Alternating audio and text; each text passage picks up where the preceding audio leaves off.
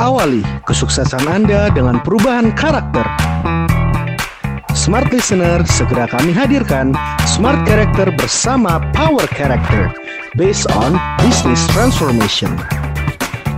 Selamat mengikuti. Smart Listener malam hari ini dalam Smart Character Life Transformation kami mengajak Anda untuk menyimak bahasan mengenai building loyalty ya. Ini kaitannya adalah dengan loyalty management. Apakah ini hanya kalau dengar kata loyalitas atau loyalty seolah-olah ini hanya ada di dalam ranah Perusahaan, organisasi, organisasi, ya. perusahaan, bisnis dan sebagainya. Tapi rupa-rupanya ini sebenarnya loyalty ini jauh masuk ke dalam gitu Betul. ya. Nah ini akan kita bahas. Baik, mungkin mengawali dulu ya Mas Harmoni atau juga Mas Hans, Mas Harmoni ya, Ya, mengawalinya soal building loyalty ini. Why we must discuss about this topic gitu loh. Oke. Apa karena kelihatannya pada saat ini kecenderungan orang udah mulai nggak setia begitu? Silakan. Baik. Berbicara tentang kesetiaan, berbicara tentang loyalitas itu nggak semerta-merta di perusahaan, tapi juga di keluarga, di millennials, di mana pun kita berada, kesetiaan menjadi sesuatu yang kita butuhkan. Mana mau kita menikah dengan orang yang bilang sama kita, calon suamiku mau bolehkah aku mencium mantanku satu kali aja sebelum kita menikah? Mana mau? ya, mana mana mau ke anda? Salah Keba- banget kedengarannya. Salah banget kan? Mana ma- mana mau Anda mempekerjakan orang yang sudah pasti dia akan eh, Berselingkuh dengan pekerjaan lain. Bagai berselingkuh dengan pekerjaan lain gitu ya.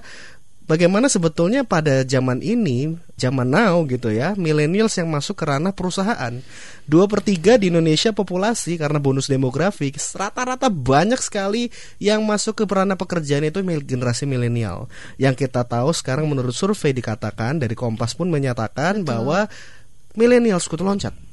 Mhm. Hari ini kita membahas supaya bagaimana perusahaan meretain turnover. Oke. Ya, karena bagaimanapun juga turnover itu menjadi salah satu indikator perusahaan kesehatan perusahaan. Turnovernya semakin tinggi, perusahaan semakin nggak sehat.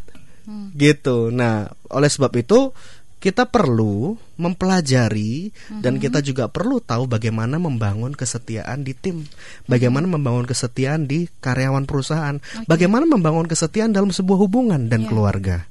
Oleh sebab itu topik pada malam hari ini sangat penting kita bahas Oke. kesetiaan. Jadi bicara kesetiaan ini ternyata masuk ke dalam semua segi kehidupan kita Ya, begitu ya, ya. ya, ya. Dan ini akan menjadi kunci kualitas. Yes. Ya, kualitas hubungan antara kalau kita adalah profesional dengan perusahaan, konsumen dengan produk atau jasa. Yes, yes, Eh, Kalau yes. di keluarga mungkin pasangan suami istri, anak keluarga begitu Betul, ya dan betul. pertemanan sahabat begitu. Yes, ya. yes. Oke. Dari sudut pandang karakter.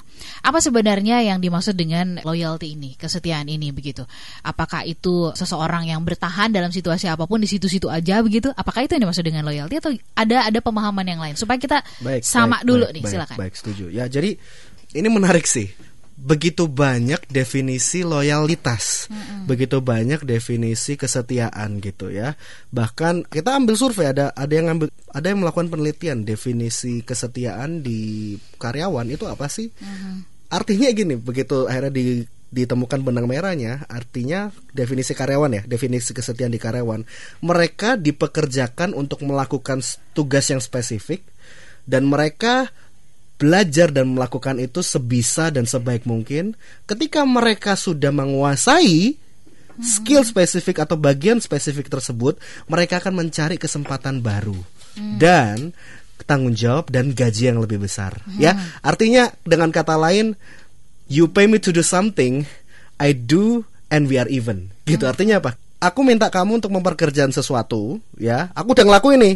Kita impas dong. Nah, artinya setelah impas aku bebas mau ngapain aja. Nah, itu adalah definisi karyawan di waktu dilakukan penelitian, melakukan survei. Nah, oleh sebab itu kita dari sudut pandang karakter, definisi kesetiaan adalah sebetulnya nggak bisa terpisahkan oleh kesatuan Hmm. ya yaitu kesatuan pikiran kesatuan hati dan kesatuan perkataan dan tindakan Oke. gitu ya kita boleh memiliki kepribadian berbeda-beda karakter yang berbeda-beda tapi ketika kita sepakat justru dari situ harusnya kesetiaan lahir ya kalau nggak sepakat itu ketika muncul keberagaman nah oleh sebab itu solusi dari kesetiaan seharusnya adalah sinergi. Ketika kita gagal bersinergi, di situ timbul kehancuran. Hmm. Ya, sinergi itu apa sih? Ya, gimana menjelaskannya ya? Tumbuh ketemu tutup bahasa Jawanya itu. Iya. Ya, bagaimana? Kunci sama lobang ya. Nah, kunci sama lobang. Yang Ah. lebih itu menutupi yang kurang. Yang kurang mensupport yang lebih. Hmm. Kalau mau seperti Anda kalau lihat YouTube ya, saya lagi mengepalkan tangan seperti ini. Hmm. Ya. Kalau misalkan kit- kita nggak bisa mengepalkan tangan dan ikatan ini nggak akan kuat kalau Hmm. misalkan kita begini. Betul. Kalau jarinya cuman yang di sebelah kanan Iya, ini gitu. di sebelah kanan yang nggak akan ada kesetiaan. Karena cuma hanya satu pihak, Iya, gitu. iya. Nah, dari situ adalah definisi kesetiaan: kesatuan hati, kesatuan pikiran, kesatuan perkataan dan tindakan. Oke, jadi ada kesatuan di sana gitu ya. Ya. Nah, kesatuan ini apakah kemudian membungkam yang namanya keberagaman, Mas Hans? Ini banyak orang yang mengatakan nih, ya kan? Wah, kalau kita sehati sepikir itu berarti nggak boleh yang berbeda dong, gitu. Jadi sesungguhnya apa tadi soalnya Mas Ya, Mas Harmoni ya, juga ya, menekankan soal sinergi gitu. Berarti sinergi kan itu kan bukan berarti selalu sama dong. Betul. Justru karena ada perbedaan itu maka ada sinergi begitu. Betul, Gimana, Mas? Jadi ada istilah yang begitu terkenal waktu itu digunakan oleh satu politisi terkenal di Amerika. Dia berkata bahwa unity does not mean uniformity. Hmm, Iya. Ya, oke. yang dia maksud adalah kesatuan itu bukan berarti harus keseragaman seperti itu. Karena memang untuk menjadi satu di sana melebihi tadi Mas Harmoni bagus sekali bahas sinergi, tapi di di di atas segalanya itu sebenarnya ada trust Mbak Ola Ya. ya. Ada Ya. sebuah Ya. kepercayaan yang mendalam Ya. di mana akhirnya timbul sinergi dan kolaborasi. Percaya bahwa dia bisa menutupi yang kurang dari saya Oke. ya kan? oke. Nah dari dari ketika adanya em, sinergi dan kolaborasi, di situ akan ada kesetiaan sebenarnya ya. Satu dengan yang lain merasa bahwa oh aku nih bisa loh percaya sama kamu karena kenapa aku percaya kamu bisa diandalkan ya. Nah ketika satu dengan yang lain merasa seperti itu akan nah itu kan ada trust dari trust akan ada loyalty di sana. Yes. Kepercayaan demi kepercayaan dibangun menjadi sebuah ya kesetiaan gitu. Yes, yes, yes, yes. Iya. yes. di atas sinergi justru ada perekatnya yaitu adalah trust, ya. Trust itu sendiri. Nah, berarti kalau kemudian tidak ada sinergi atau sinerginya kurang, berarti yang perlu dicek terlebih dahulu apakah sebenarnya satu dengan yang lainnya Nah, memiliki trust ada ya. trustnya atau Iya. enggak? Nah, uh, kalau begitu saya pengen tanya ini mungkin ke Mas Konan ya. Apa sebenarnya unsur yang membentuk loyalty tadi selain dari trust? Kalau tadi berangkat dari trust, trust, trust itu juga kan nggak mungkin sehari ya. Misalkan Anda baru masuk nih gitu, nggak mungkin saya langsung begitu saja percaya kepada Anda misalkan atau Anda sebaliknya gitu. Baru berkenalan dengan calon investor itu udah langsung oke, atau baru berkenalan dengan seorang wanita langsung mengatakan oke besok kita menikah itu kan agak-agak ngeri juga ya Mas Betul, Konan nih. betul. Gimana tuh Mas? Iya, jadi loyalitas ini loyalitas kita bisa mengartikan dengan beberapa sudut pandang. Yang pertama adalah lama bekerja ya. Jadi kalau karyawan bekerja misalnya 10 tahun ya, 5 tahun bahkan 20 tahun itu dikatakan karyawan loyal. Loyal. Tapi ternyata loyalitas itu bukan hanya dari durasi bekerja, Oke. tapi lo- loyalitas juga bicara bagaimana kita bekerja. Hmm. Karena orang loyal itu cara dia bekerja berbeda. Oke. Ya orang loyal makanya di salah satu alat kami punya alat ukur ya untuk appraisal untuk penilaian kinerja orang. Ada satu indikator kita punya empat indikator. Kita menilai karakter seseorang, kita menilai kompetensi seseorang, kita menilai kontribusi seseorang dan yang keempat kita melihat komitmen seseorang atau loyalitas seseorang. Dan itu tidak hanya dilihat Mbak Ola di unsur komitmen atau loyalitas seseorang nggak cuma diukur dari lamanya bekerja tapi masa kerja termasuk diukur. Ya. tapi ada juga yang diukur di situ adalah kepatuhan Oke. terhadap peraturan yang dibuat. Hmm, Apakah dia kalau dapat SP-nya banyak ya, kalau dia lama tapi biang ribut itu tidak Oke. loyal ya. Mungkin ya karena perusahaan juga nggak ada karyawan lain gitu atau dia mungkin nggak ada tempat lain. Ya akhirnya orang seperti itu mungkin loyalitasnya agak agak tidak tidak rada cacat lah ya. Nah, jadi bukan hanya lama bekerja tapi juga kepatuhan kita dalam terhadap peraturan perusahaan yang disepakati. Yang ketiga dinilai juga dalam unsur loyalitas adalah absensi. Mhm. Dia datang telat gak? Kalau orang datangnya telat gak jadi contoh yang baik itu pun secara loyalitas itu banyak hal yang bisa dikritisi Mbak Ola. Jadi loyalitas bukan cuman lamanya bekerja. Lalu apalagi kehadiran. Oke. Ada orang bolos nggak kasih tahu kalau dia bolos ya main mangkir aja istirahat baliknya lama misalnya seperti itu itu juga loyalitas ternyata bukan hanya lama bekerja tapi bagaimana kita ketika bekerja Mbak Ola Iya, iya. jadi untuk membangun loyalitas Mbak Ola susah-susah gampang atau gampang-gampang susah untuk mencari orang yang loyal kalau indikatornya sebanyak tadi Iya, gam susah-susah gampang. susahnya dua kali ya iya, kan? susahnya Susah dua gampang, kali. ya. Nggak, saya membuktikan itu kok. susah, susah, gampang. susah ya selama nggak susah susah susah masih ada harapan Ya, masih ada Susah, gampangnya susah, di ujung lah ya. Kita di ujung ya bersusah susah dahulu Bersenang-senang kemudian. Insya Allah Oke berarti ini enggak sih maksudnya oke ini kan kalau bicara berkaitan dengan kalau di organisasi ya eh, Mas Konan, Mas Harmoni dan juga Mas Hans. Tapi kalau secara umum dalam kaitannya dengan hubungan dengan keluarga misalnya atau dengan pasangan, apa iya juga harus membahas mengenai absensi, kedatangan, terlambat atau tidaknya menjemput misalnya begitu itu gimana atau dengan keluarga Mas gimana? Ini bicara kalau di, dipraktekkan ke dalam ya? Ya, ah, ke dalam yang unsur yang seperti itu apa? Nah, Oh. ini ini jadi kaya sekali kalau Iya. dari sini ya. Karena sudut pandang setiap orang terhadap kesetiaan itu berbeda-beda. Justru dari sini kita bisa ambil kesempatan Bola. Coba smart listener coba sharing menurut Oke. Anda indikator kesetiaan itu apa aja? Misalkan Versinya smart kalau- listener ya? Ah, versi smart listener ada yang bilang, "Oh, kesetiaan itu ketika Anda bangun hubungan dan gak berpaling ke lain hati." Nah, misalkan begitu. Wah saya ya. kayaknya gagal ya ada yang bangun juga lebih spesifik lagi. Setia itu artinya kalau lu sudah punya pacar nggak boleh berduaan makan sama cewek lain. Nah, Oh. nah itu lain lagi. Bisa macam-macam terus nggak boleh chattingan sama yang lain. Nah itu malah insecure-nya tinggi. ya, jadi kita pengen tahu dari respon smart listener, menurut anda definisi kesetiaan dan indikator anda itu apa sih? Oke, jadi ini Gitu. versinya smart listener Versinya ya. smart listener. Menurut Anda setia itu indikatornya apa? Ini Dan- hubungan loh ya. Ya, Hubungan soalnya ya. kan beragam. beragam. Gitu. Entah itu dengan uh, pertemanan, sahabat, Hmm, pasangan, hmm, keluarga hmm, dan betul, sebagainya betul, gitu ya. betul, betul. Baik, ada pertanyaan dari Hani yang bergabung bersama dengan kita malam hari ini dari Surabaya. Mhm. Di zaman now katanya gitu ya. Kayaknya ngomongin soal lo- loyalitas itu bukannya udah kayak agak-agak usang ya. Hmm. Karena masing-masing kan punya kepentingan katanya dan juga punya sudut pandang yang berbeda-beda. Apalagi kalau sudah membahasnya adalah berkaitan dengan kebutuhan dan kemudian soal tujuan hidup. Kayaknya agak susah tuh membahas mengenai loyalitas. Misalkan ada banyak pekerja yang uh, bekerja sebagai profesional ketika dia tidak mendapatkan apa yang diinginkan, dia akan pindah pekerjaan demi tujuan hidupnya. Nah, Mas Baik. Harmoni, Mas Hans dan juga Mas Konan. Saya dulu ya. Ya. Baik. Mohon ditambahkan Mas Konan, Mas Hans ya. Dari Hani. Hani bilang kayaknya contohnya tujuan hidup. Ya, kalau tujuan hidup nggak cocok sama pekerjaan, dia resign gitu ya. Sudut pandang dan kepentingan berbeda. Nah, oleh sebab itu gini loh.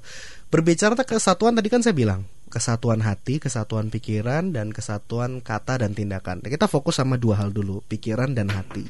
Ya, saya setuju, kita harus punya tujuan hidup hidup ini pilihan soalnya Mbak Ola dan berapa banyak jenis visi di dunia ini.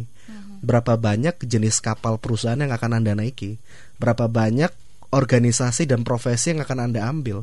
Oleh sebab itu anda harus punya tujuan hidup dulu baru disesuaikan dengan ranah pekerjaan yang anda pilih. Kayak Mas Konan ini tujuan hidupnya memberkati dan bermanfaat. Jadi orang lain. Nanti Mas Konan boleh sharing ya. Dan ketika sharing apa begitu ketemu dengan power character nyambung. Hmm. Nyambung nyatu visinya. Nah, dengan cara itu Mas Konan walaupun punya opsi pindah ke lain hati gitu ya, tetap selama mas- untuk se- sekarang ini masih bersama kita gitu dan menjadi berkat bagi bangsa gitu. Dan itu bukti bahwa sebetulnya tujuan hidup harus kita punya. Dan kita harus pilih kapal yang mana yang sesuai dalam kehidupan Anda. Nah, bukannya bukannya agak usang ya, tapi harusnya kita jadi lebih selektif aja gitu. Hmm, gitu ya. Iya. Yang lain Mas ada yang ingin mengomentari masih dari apa berkaitan dengan Hani, Mas Hans dan juga Mas Konan? Katanya usang itu kalau kita bicara mengenai loyalitas. Karena tiap orang punya kepentingan loh gitu. usang ya atau mungkin langka karena memang ada cap sekarang susah nih orang yang kerja yang zaman sekarang tuh kutu loncat ya Oke. pindah-pindah Oke. ya Jadi begini, perbedaan visi itu justru makanya kita penting yang Mas Harmoni bilang. Ketika kita masuk perusahaan, jangan karena masuk karena karena sekedar karena uang ya. Cari duit. Ya, Nah. jangan sekedar kecuali memang ada sense of urgency, orang tua kita sakit atau ada kalau itu sudah sudah faktor X deh. Tapi jangan sampai secara umum karena yang perusahaan A nawarin gaji 7 juta, perusahaan B nawarin gaji 6 juta, kita langsung tanpa pikir panjang yang B dong 7 Nah, yang juta. tinggi- yang tinggi dong. Ya kan, tapi kita lihat ya kan apa yang kita bisa dapat. Perusahaan ini bergerak di mana? Apa yang kita mau tuju, ya kan? Ya. Sehingga ketika kita punya visi ya yang kita telah jelas mau ke mana, kita akan gabung di saya nggak mungkin waktu itu pulang dari Jerman saya gabung ke restoran atau saya gabung ke perusahaan percetakan Ya. atau gabung karena itu bukan saya nggak mau ke sana gitu loh. Value saya bukan itu. Iya, gitu. arah saya bukan ke sana. Yang paling penting dalam hidup kan arah. Melangkahnya ke mana gitu loh. Arahnya mau ke mana? Tanpa arah kita akan banyak buang-buang langkah. Betul. Ya, banyak buang-buang waktu gitu. Jadi arah itu penting. Nah, pas kita punya arah, kita akan cari perusahaan-perusahaan yang memang wah ini searah nih. Nah, ketika itu akan lebih match gitu loh secara visi. Ya, lalu ketika kita sudah bekerja di satu perusahaan, bukan berarti ketika kita pindah ya itu kita nggak loyal ya. Saya bilang tadi, kita boleh pindah, tapi jangan pindah karena keadaan ih nggak asik ah ternyata bosnya begini timnya begini. It's about mentality karena loyalitas juga itu sangat terkait dengan mentalitas. Orang kalau mentalnya tidak bagus ya terus terbiasa hidup di zona nyaman makanya ada istilah gini lepas mulut singa masuk eh, mulut buaya Ya ampun, jadi itu- penting sekali gini ketika kita merasa di sini wah susah Ya, jangan ya, berharap ya. di tempat lain gampang Betul. Betul. anda harus menang di tempat yang susah ini, menang dari mulut singa sehingga pas masuk the next nggak tahu mulut buaya ya udah menang di mulut singa. Iya. Jadi kita pergi itu bukan dalam keadaan kalah, tercobak-cabik, nangis, memble, Iya, iya, tapi iya. kita mungkin keluar karena kita sudah do the best, Wah. terus do the best, right respon, tapi mungkin tetap tidak dihargai, tetap right respon, akhirnya kita disingkirkan. Nggak apa-apa keluar bukan loyalitas itu nilai hidupmu kok, ya. Iya, Jangan iya. sampai kita loyal nggak loyal karena dibujuk, karena karena Ya, karena kita linglung. Bosnya nggak enak sih. Karena gitu kita ya. linglung karena di Ah. tempat lain bisa jadi itu lobang yang lebih mengerikan. Ntar kalah lagi. Masuk lagi kita berharap apa? Ya kalau kita berharap masuk tuh lobang yang isinya tidak ada yang kesulitan akhirnya kita jadi orang yang biasa-biasa aja karena orang yang luar Hmm. biasa adalah orang yang bertahan di masa-masa sulit gitu Ah. ya sehingga dia punya kisah kisah yang menarik jadi masalah tadi usang itu pemilihan kata saja tapi loyalitas itu bener-bener jangan saya berpikir kalau keluar berarti nggak loyal ya kan Hmm. yang nggak loyal tuh kalau kita keluar keluar keluar dengan alasan yang sangat-sangat tidak dewasa Ya. Ya, Contohnya itu. gimana nggak dewasa tuh? Tadi ya, yang tadi ya alasannya apa nama ah Beda bosnya kayak ini, Eh. ih orangnya suka pada ngegosip. Ah misalnya saya suka diomongin, ya kamu di mana pun akan ketemu orang yang mungkin modelnya seperti Iya. itu. ngomongin anda, ya, Betul. ya makanya pertama kita harus berani gak kita berkaca diri kita, apakah Ya, saya orang yang loyal? Ya. Oke. Saya apakah saya orang yang lo- Ipa itu kan nilai orang lain enggak kita harus berani nilai diri kita sendiri makanya bawalah di sistem appraisal penilaian kita orang selain dinilai sama atasan bawahan rekanan dia juga harus menilai dirinya, Dirinya sendiri. sendiri. Oke. Ya kita nggak bisa oh itu orang iya orang lain akan menilaimu tapi engkau pun harus tahu apakah anda orang yang setia apakah anda orang yang bisa dipercaya Ya. ya Ya. seperti itu Terima kasih untuk Anda semua yang sudah menyimak. Semoga perbincangan kami ini bisa memberikan semangat, motivasi, dan inspirasi untuk Anda. Baru saja Anda menyimak Smart Character bersama Power Character based on Business Transformation. Awali kesuksesan Anda dengan perubahan karakter. Terima kasih dan sampai jumpa.